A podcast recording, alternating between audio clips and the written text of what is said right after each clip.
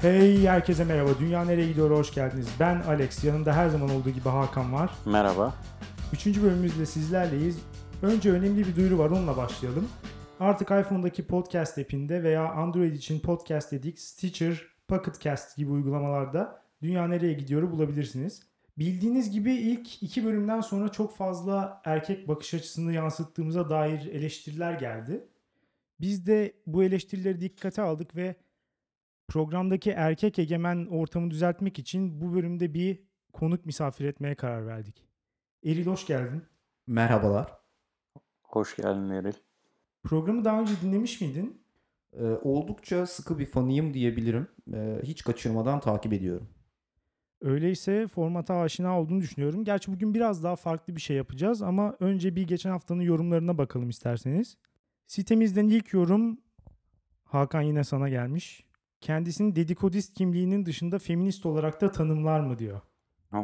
Bu soruyu bana bir süre önce sorsaydın e, insan mısın sorusuyla eşdeğer kabul ederdim ve Justin Trudeau samimiyetsiz sıcaklığında bir cevap verirdim sanırım. Ama yavrularımı biberonla beslerken o sıcaklığını kontrol etmek için koluma bir damla damlattığımda benim bedenimde bazı fizyolojik değişiklikler olduğunu hissettim. Feminist değilim kadınım mı diyorsun artık? Evet, o tarih boyunca kadınların bütün çektiği acılar bir anda benim vücudumda vücut buldular ve artık rahatlıkla söyleyebilirim ki feministim. Ee, bir sonraki yorum yine siteden Asım Pars'tan gelmiş. Basketbolcu ünlü. Ee, geçen haftaki gizli ırkçılık konusuna referansla orada şöyle bir yorumda bulunmuştuk. Türkiye'de bir topluma uygun yaşayanlar kategorisi vardır. Bir de mahcuplar kategorisi. Hı hı. Bülent Ersoy cinsiyeti toplumun normlarına uymuyor ama mahcup da değil. Bunu açık bir şekilde de yaşıyor. Toplumda bu kadar geniş şekilde kabul edilmesini nasıl değerlendiriyorsunuz demiş. Benim buna yorumum e, Türk insanının bu tip şeyleri kendine dokunmadığı sürece çok da rahatsız edici bulmadığı. Kendi hayatında bir Bülent Ersoy olmadığı sürece bir kendi apartmanında oturan transseksüel bir kadının varlığına katlamak zorunda kalmadığı sürece televizyonda onu bir şov dünyasının bir ikonu olarak görmekte çok da fazla bir sorun yaşamıyor. Evet, Bülent Ersoy biraz objeleşmiş bir karakter. Zeki Müren de sanırım geçmişte Aynen aynı öyle. şekilde yer almış bir şahsiyet. Bunlar çok ayrı, çok uç örnekler ve genel toplumu yansıtmıyorlar. Bir de tabii ünlü olmalarına rağmen hiçbir hak arama mücadelesine falan girişmedikleri için kariyerlerinde hani Alex'in dediği gibi çok suya sabuna dokunur bir halleri yok. Herkes okey diyor. Pek bir rahatsızlık duymuyor. Zararsız görüyorlar. Aynen yani, öyle. Değil mi? Aynen öyle. O zaman isterseniz başlayalım. Bu hafta tek bir konu tartışacağız. O da konuğumuz Eril'in getirdiği konu olacak. Ee, bu konunun iyi ve kötü taraflarını tartıştıktan sonra programın sonunda bunun dünyayı iyiye mi yoksa kötüye mi götürdüğüne oylama yaparak karar vereceğiz. Eril istersen konunu açıkla. Ee, yani aslında konum dünyayı iyiye mi götürüyor, kötüye mi götürüyor? Bunu herhalde bu programın sonunda anlayacağız. Ama kesin altın çağını yaşadığını düşünüyorum söyleyeceğim şeyin. Ee, artık günümüzde e, inanılmaz herkese nüfuz eden bir güzellik algısı var. Güzellik algısının, güzellik standartlarının insanların üstüne üstüne geldiği ve insanların buna uyma çabası içerisinde olduğunu görüyoruz. Mesela bugün altın çağı derken işte cime gidenlerin, Instagram kullananların, işte ne bileyim snap atanların vesaire hepsinin aslında e, büyük bir keyifle adeta bunu bir ticari işe döktükleri bir dünyada yaşıyoruz ve hepimiz de biraz buna uymaya çabalıyoruz. Ve ben aslında bunu tartışmak istiyorum. Yani acaba bizim günlük hayatımızı ne kadar etkiliyor bu? Ee, ve bu bizi negatif bir şekilde mi yoksa yer yer pozitif şekilde mi etkiliyor? Bunu konuştuğumuza dahi inanamıyorum diyerek başlayabilirim bence. Kesinlikle bırakınız yapsınlar diyorum. İnsanlar çirkin olduklarını düşünüyorlarsa bırakın kendilerini güzelleştirmeye çalışsınlar. Hatta çirkin olduklarını itiraf edebildikleri için cesaretlerini de alkışlıyorum. Ya bu noktada önce bir e, neyin güzel, neyin çirkin olduğunu konuşarak belki başlayabiliriz. Çünkü bu yani biyolojik olarak bir sürü kişi belirlendiğini iddia ediyor olabilir ama aslında bir sürü açıdan sosyal şekilde belirlenen bir şey. E, hatta ve hatta şöyle diyebilirim. E, şu anki güzellik anlayışının bazı komponentleri biyolojik güzellik anlayışının çok da dışında. Örneğin biyolojik olarak erkeklerin doğurganlık sembolü olduğu için büyük göğüs ve e, geniş kalça kemiği, leğen kemiğinden hoşlandığından bahsederken bugünün güzellik anlayışında modellerde, oyuncularda zayıflık biraz daha makbul olan şey. İnsanlar çocuk istemiyor mu artık? Bunu mu diyorsun? Yo sanmıyorum öyle olduğunu ama e, a- yani doğal yönelimlerimizle belirlenmediği aslında buradan belli. Veya işte e, uzun saçın daha çok beğenilmesi ya da işte e, Kısa mı daha makbulmüş eskiden?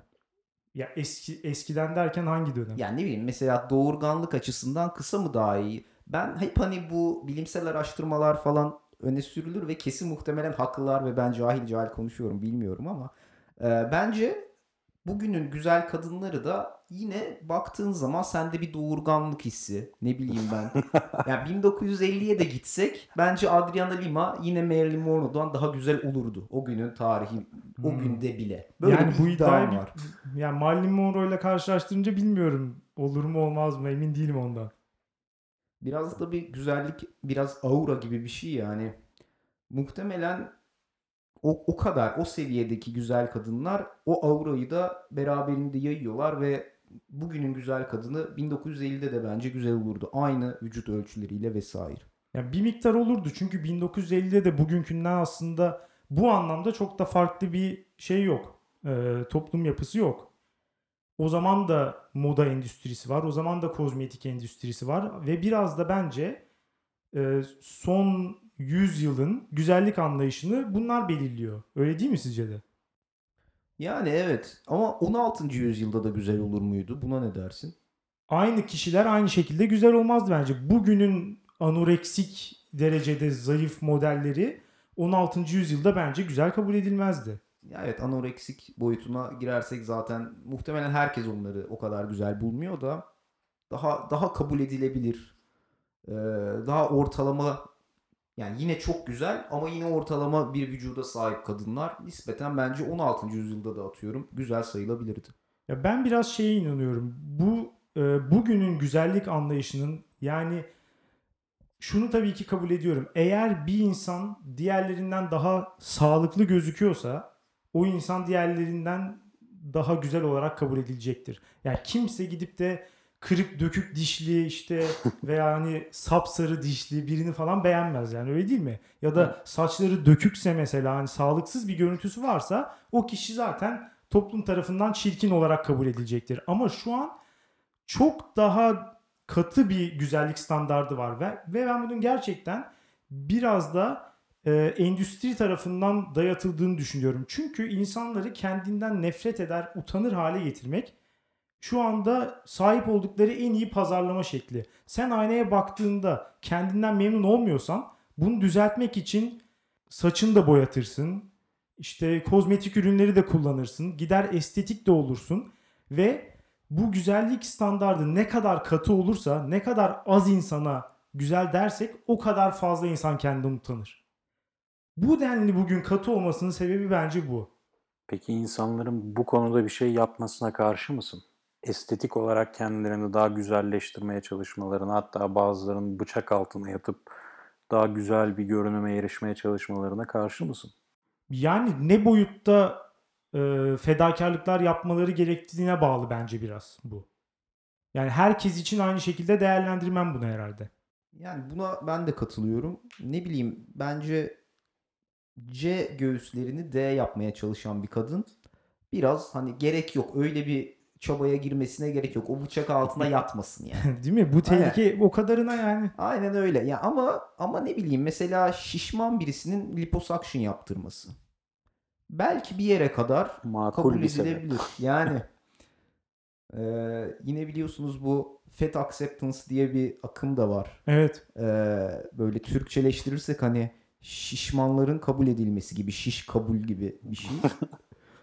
E, ve hani şişmanlığın da bir genetik özellik gibi olduğunu düşünüyorlar ve Ee, hiçbir şekilde bu konuda eleştirilmeye gelemiyorlar. Ee, kesinlikle onları şişmanlıklarıyla kabul edip hani biraz kilo versen iyi olur tadında. Hani günlük hayatımızda alttan alta veririz ya o tip insanlara. Bunu da vermemizden adeta bir e, hani feminazi gibi e, düşmanlar. E, belki hani bu açıdan da yaklaşılabilir konuya. Alex de bunu destekliyordur herhalde bu akımı. Çünkü kendisi herkesin bedeninden met- mu- mutlu mesut olup öyle yaşamalarını tavsiye ediyor. Yani şişmanlığın biraz da boyutuna bağlı tabii. Eğer hani obez sağlıksız derecesinde bir obezliği varsa muhtemelen biraz egzersiz yapması, biraz daha yediklerine dikkat etmesi iyi olacaktır. Ama tabii mesela şu da var. Şu an e, belki şişmanlık değil ama e, güzellik anlayışında da bir son birkaç yılda bence bir değişiklik var. Mesela e, Beyoncé'nin eskiden veya Kim Kardashian'ın çok daha katı bir güzellik anlayışında bu insanların e, güzel kabul edilmediği bir dönemden aslında geldik. Şu an bunlar moda ikonu olarak görülebiliyor. Ödüller alıyorlar bilmem. Tabi burada Adnan Hoca'nın kediciklerinin de aynı şekilde katkılarını unutmamak lazım. Yani biraz daha büyük göğüs, geniş kalça biraz moda oldu. Böyle bir değişim yaşandı. Hat, değişim demeyeyim de çeşitlenme. Çünkü sıfır beden modeller yine gayet moda. Çeşitlenme dedin ya. Ya bana kalırsa olay Eril'in dediği gibi aurada. Yani şöyle ki insanlığın %90'ı diyelim. %90'ı kabul edilebilir güzellik, çirkinlik ölçütleri içinde. Ya bu insanlar kendilerine yaratacakları aura ile beraber başkaları tarafından güzel görünmeyi becerebilirler. Bunu yapamayanlar, bu beceriye sahip olmayanlar gidip estetik ameliyat olup kendilerini o yolla daha güzelleştirmeye çalışabilirler. Buna da ben karşı değilim. Yapsınlar. Kendilerini çirkin görüyorlar. Gidip değiştirsinler. Ama bunu yapanlar beceriksiz. Bunu da kabul etmek gerekiyor. Tabii o yüzde onluk bir bölüm var ki onlar için onların Allah yardımcısı olsun demekten başka çaremiz yok. Artık kendi içlerinde mi ürerler yoksa içlerinden bazı zeki olanlar, şanslı olanlar sıyrılıp o %90'lık tabakanın genlerinden bir şeyler kapıp çocuklarının biraz daha güzel olmasını sağlayabilirler mi? Onu bilemem. Ee, geçen şöyle bir şey okudum bu arada e, Hakan. E, çirkinler nispeten daha kolay e, karşı tarafı kabul ettikleri için. Hani herkes biraz kendini güzel sayar ve 1-2 puan da fazla verir. Ama kendinin çirkin olduğunu kabullenmişsen eğer hani o zaman daha çok seks yapabilirsin belki. Çünkü kim gelse evet diyorsun. Kendin gibi başka bir çirkin bulduğunda da direkt yelkenleri suya indirebilirsin. Kabullenme daha kolay olabiliyor. Hmm, yani gen düşüyor. aktarmada aynen öyle. Gen aktarmada belki şanslılar bile. Dünyadaki seksin %90'ını o %10'luk kesim mi yapıyor diyorsun? Yani Hindistan'ın nüfusu bayağı kalabalık. ya bu Hakan'ın aura yaratma konusuna ben de biraz katılıyorum. Ki bunun en kolaylaştığı dönemdeyiz çünkü sosyal medya var. Yani eskiden ana akımken sadece her şey bu kişilerin yani geleneksel güzel olmayan kişilerin televizyona çıkması veya işte sinema ekranlarında gözükmesi zor bir şeydi. Ama şu an herkesin kendi komünitesi var ve herkesin kendi ikonları var. Dolayısıyla 100 bin kişi bir araya gelip eğer bir şeyden hoşlanıyorlarsa kendi içlerinde onun ikonu olan bir kişiyi çıkartıp onu erler meydanında diğer güzellerle kapıştırabilirler. O yüzden biraz da güzelliğin demokratikleşmesi var aslında bu dönemde. Ben bunu olumlu görüyorum açıkçası. Evet, çeşitlenme var. Ama insanlar yine de bıçak altına yatmayı istiyorlar. Özellikle kadınların güzellik anlayışına uyum sağlamak için yaptıkları aslında bazı açılardan da olumlu olabilir. Neden? Çok dev bir endüstri yarattı mesela. Yani bunun üzerinden çalışan milyonlarca insan var dünyada. İşte kozmetik ürünleri olsun. Her mahallede bulunan ağdacı olsun. Bunların hepsi bu sınıfa girebilir. Ama bunun yanında bence daha önemli bir şey var. O da kadınları inanılmaz güçlendirdi bu. Çünkü şöyle bir düşünün. Güzellik şu an bir insanın sahip olabileceği en önemli özellik. Dürüst olmasından daha önemli, çalışkan olmasından daha önemli. Hep her şeyin toplamından bile daha önemli. Sadece güzel olarak çok fazla şey elde edebilirsin. Evet. Kadınlar da kendilerini güzelleştirerek açıkçası toplumda bence güçlerini arttırdılar. Yani evet e, güzel olmak gerçekten hani servetinin yanında ek bir servet gibi şu an. Ama tabii çirkin olmak da belki de çok seni çok fakir kılan bir şey. Dolayısıyla bir yandan demokratikleşme herkesin biraz ortaya yaklaşabilmesini sağladı dediğin gibi. Ama bir yandan da belki de en alt tabakadakileri e, çok kendi haline terk etti. Yani öyle de bir konu olabilir. Sosyal norm olarak, sosyal kabullenilme olarak. Olsun onların yaşadığı dramdan da bir sanat çıkar belki. Onlar da o çirkinliklerini daha yararlı, faydalı, sanatkar bir şeylere kanalize edebilirler. Bir şey yani çocuğun edebiyatçı olsun diye sabah akşam dövmek gibi hani. Evet. Öyle bir mantık. Çirkin bir çocuk. Hele bir de bir insan mesela çirkinse bunun üzerine de fakirse aynı zamanda bu insanın şansı çok daha az. Çünkü öyle bir dönemdeyiz ki bu tip müdahaleler, cerrahi müdahaleler inanılmaz bir şekilde gelişti ve zenginler artık bütün elde ettikleri her şeyin üzerine doğuştan gelen o özelliklerini de değiştirmeye başladılar. Yani elimizde bir güzellik vardı, onu da aldılar. Adam adam yani çirkin doğuyor ama zengin olduğu için işte alnına botoks, işte e, dudağına dolgu, işte yanağına düşmesin diye bilmem ne, çenesini tıraşlatıyor falan bir bakıyorsun yine güzel olmuş. Ya bari bari o onu olmasaydın yani.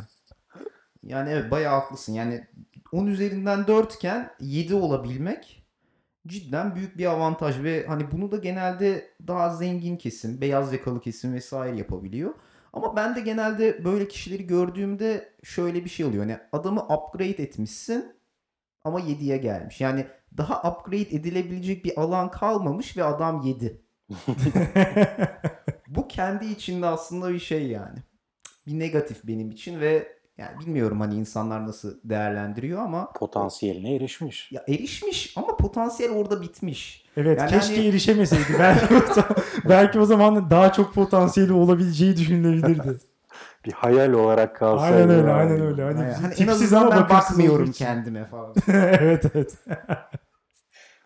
Tabii hep kadın açısından baktık. Erkek açısından ne dersiniz? Siz hiç bu baskıyı üstünüzde hissettiniz mi? Ya erkeğe gelecek olursak ben şöyle bir şey söylemek istiyorum. Ee, bir öz eleştiri ve özürle bir kere başlamak istiyorum. Çünkü e, biz erkekler olarak çok yanlış bir şey yaptık. Ne yaptık? Senelerce kadınları bu güzellik standartlarına uydurmak için zorladık. O sırada biz ne yaptık? Götümüzü yayıp yattık açıkçası. Kadınlar güzel olacak peki ama niçin yani kendi kime beğendirmek için? Erkeklere daha güzel gözükmek için. Öyle değil mi? Peki tüm dünyada veya işte biz şu an Türkiye'de yaşadığımız için Türkiye'den düşünelim. Ee, lütfen bir etrafınıza bakın. Dinleyenler yarın çıktıklarında sabah metroya, otobüse bindiklerinde bir etrafa baksın. Kadınlar nasıl gözüküyor ortalamada? Normal, sağ, ya güzel değilse bile normal, sağlıklı, bakımlı insanlar olarak. Bir de erkeklere bakın nasıl gözüküyorlar. Ya resmen insan demeye dilim varmıyor. Canavar gibi gözüküyorlar. O kadar midem bulanıyor ki gerçekten bu kadar, ya en fazla bu kadar çirkin olabilir bir grup. Evet, O şey ya Bağcılar metrobüs o dediğin ama Ama sadece orası değil ya herhangi bir yer. Yani yani bu durumdayken aslında bir kere avantajı elimizde geçirdik değil mi? Durmamız lazımdı. Çünkü kadınlar güzelleşmeye çalıştı ve bir miktarda başardılar bunu. Bizse hiçbir şey yapmamıza gerek yok zaten beğeniyorlar. Burada durmamız lazımdı ama durmadık. Biraz daha zorladık. Biraz daha zorladık ve sonunda ne oldu? Kadınlar güzelleşti, erkekler çirkin kaldı. Kadınlar bunun verdiği, kadın erkek ilişkilerinde giderek güçlenmelerinin verdiği özgüvenle bize ne dediler? Biz sürekli çalıştık, güzel olduk. Biraz da siz şimdi güzel olun.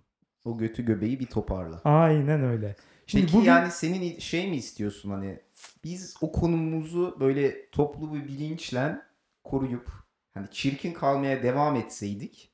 keşke. Hani, ke- öyle mi diyorsun? Evet keşke. Çünkü bugün bir erkekten beklenenler şimdi uzun boylu olması, Ya fit ben, olması. ben bu arada bu konuda hani uzun boylu olmak genetik bir şey ya. Evet. Yani ya bilmiyorum mesela bence şimdi tabii kişiye göre değişir ama hani büyük göğüs, küçük göğüs. Kadın küçük göğüslü kadın göğsüm büyük değil diye çok çok kendini güvensiz hisseder vesaire. Ama ben hani erkeklerin aşağı yukarı tüm göğüslere biraz önem verdiğini ve sevdiğini düşünüyorum. Ama Yani mesela benim boy- olsun yeter. ya, e, Evet. ya hani bence Doğal hiçbir bir erkek aşırı şey için reddetmiyor bir kadını yani.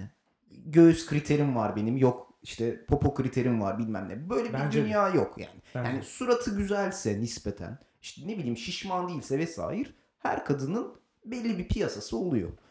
Ama mesela erkekte kısa boyluluk gerçekten garip bir şey yani. Hani bu kadar bunun ne bileyim mesela Tinder'da falan ilk bölümünüzde bahsetmiştiniz. Bugün çok yayılmış bir şey. Ve hani 1.80'in altındaki kişiyle ben eşleşsem dahi hiçbir zaman mesaj atmam diyen kadınlar var. Evet. Yo, uzun boylu olmak inanılmaz bir ya daha doğrusu kısa boylu olmak inanılmaz bir lanet şu an erkekler için. Ama mesela boyun da dışında şunlar da beklenmiyor mu şu an erkeklerden? Kaslı olması, fit olması ama aynı zamanda zayıf gözükmesi. Hı hı. Doğru. Özellikle karın kasları çok ön plana çıktı son Yani güçlü sanırım. olacaksın, geniş omuzlu, ince belli olacaksın ama bunlar bile yetmiyor çünkü işte bölgesel kaslara geçtik artık. En Six zor- pack olacak. İşte Adonis olacak. Yani ille herkes Hepsinin de keyfi farklı bir de hani kimisi Adonis'i severken kimisi Baldur'da bir şeyler görmek istiyor vesaire. Evet. Bir de tabii bütün bunların eforsuz gerçekleşmesi lazım. Bunu da unutmayalım. Çünkü mesela e, erkek dediğin diyet yapmaz öyle değil mi? Çıktığı zaman ayı gibi yer ya da arkadaşlarıyla dışarı çıktığı zaman biraları içer üst üste. Rakı içmeye gittiği zaman duble duble içer. Herhangi bir erkek bugün arkadaşlarıyla çıktığı zaman ben diyet yapıyorum formumu korumam lazım. İşte sizle içemem, sizle hamburger yemem falan dediği zaman karşılaşacağı aşağılanmayı bir düşünün. Ee, yani aynen öyle. Ee, bir de şunu da bekliyorlar. Cime gitmeyerek bir şekilde o formu yap. Tabii o da Yani çok iyi. Evet Şey, evet. Çünkü aptal gibi o şeyi indirip kaldırmak yerine anlamlı bir spor yaparak. Yani ben çok iyi tenis oynuyorum ve aynı zamanda hobi olarak da bu vücudu yaptım. Evet. Tenise Evet. ısınma antrenmanları. Ya hem cool olacaksın, hem geleneksel erkek özelliklerine sahip olacaksın. Hem de işte vücut şeklin bugünün en üst standartlarına uygun olacak. Ya böyle bir şey mümkün mü? Bütün bunlar da her gün maaşı çalıştığın 9-6 işe giderken ve bütün sorumlulukların yanında olacak. Ve en zayıf yerimizden vururlar karın kasları diyorum tekrardan.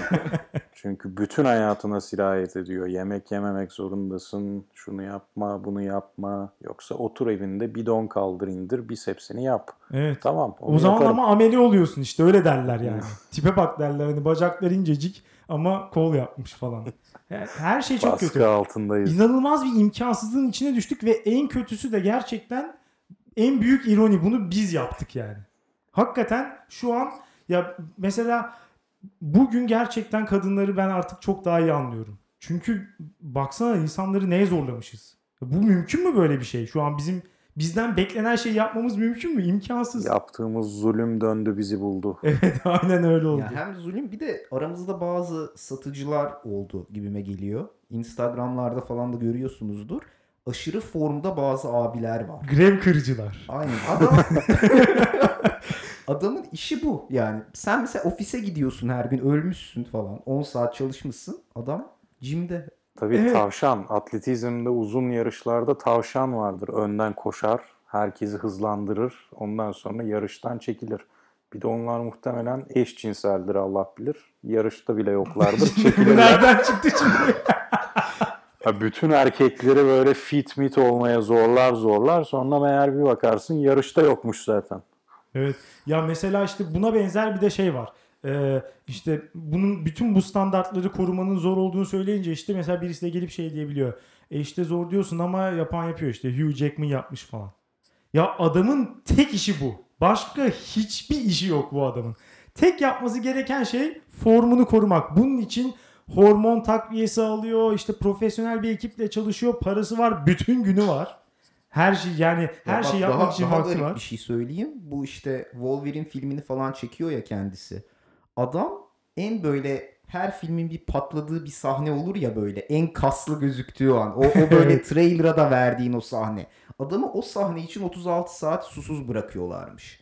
Kaslar. İşte, ama, evet. ama tabii yani bundan üzülebiliriz ama şunu şunu kesin masaya koymayın. Kadınlara bunun çok daha kötüsünü yaptık yıllarca. Aynen öyle Yani evet onu ben de onu söylemek Bunun istiyorum. herhangi bir kabu öz, özrü kabahatinden büyük olur yani. Burada özür bile dileyecek halimiz yok bizim. Peki bu kadar konuştunuz konuştunuz istediğiniz ne? Herkes çirkin. Ateşkes, Kadın erkek fark etmez. istiyorum Ateşkes istiyorum ya. Herkesin ya standartları biraz düşürelim en azından. Bu kadar yüksekte olmasın yani. Bunu bunu hani hep beraber bir, bir bunun komününü kurmak lazım aslında. Bir araya gelip bence şeyde bile yapabiliriz hani kıyafetlerde bile. Arkadaşlar bundan sonra pazartesileri üzerinde pazartesi yazan bir üniforma giyecek herkes. Şımarıklık yapmak yok. rekabet başlatmak yok. Salı da salı. İsterseniz o zaman toparlayalım süreyi de aşmadan çok fazla. Oylayalım. Bu kadar konuştuk bakalım sonuç ne çıkacak. Ne diyelim bunun başlığına? Eril. Güzellik standartlarının e, insanlar üzerinde yarattığı baskı. Bu dünyayı iyiye mi götürüyor kötüye mi gidiyor? Ne, der- ne dersin Hakan? Ben iyiye götürdüğünü düşünüyorum. İnsanların kendi çirkinliklerini kabul edip ona göre davranmaya başlaması bir noktada iyi. Eril. Biraz daha fazla farkındalık yaratarak böyle devam edebiliriz. Ama hani beklentilerimizi biraz aşağı çeksek hep birlikte daha iyiye gideceğiz belki. Yani iyiye mi gidiyor kötüye mi? Sanırım biraz iyiye götürüyor. Ben en son olarak bu işin erkekleri de vurmaya başladıktan sonra kesinlikle bunun Tam bir iki yüzlü. Evet. Bunun Kaymağını artık- yedi kendine gelince. Evet evet. Kötüye gittiğini şey yapıyorum ve ateşkes çağrımı yineliyorum. Kadınlar bizi affetsin bu zamana kadar yaptıklarımızdan. Bundan sonra kardeşçe ve düşük standartlarda yaşayalım diyorum ben. Hep beraber çirkin. Aynen öyle. İnşallah. Her zaman olduğu gibi yorumlarınızı dünyanereyegidiyor.com'dan bekliyoruz. Ee, tekrar başta yaptığım duyuruyu hatırlatmak gerekirse iPhone'daki podcast app'inde veya Android için podcast dedik Stitcher ve Pocket Cast gibi uygulamalarda Dünya Nereye Gidiyor'u bulabilirsiniz. Oradan abone olup telefonunuzda offline olarak da dinleyebilirsiniz. Bizi dinlediğiniz için teşekkür ederiz. Haftaya görüşürüz. Güle güle. Hoşçakalın.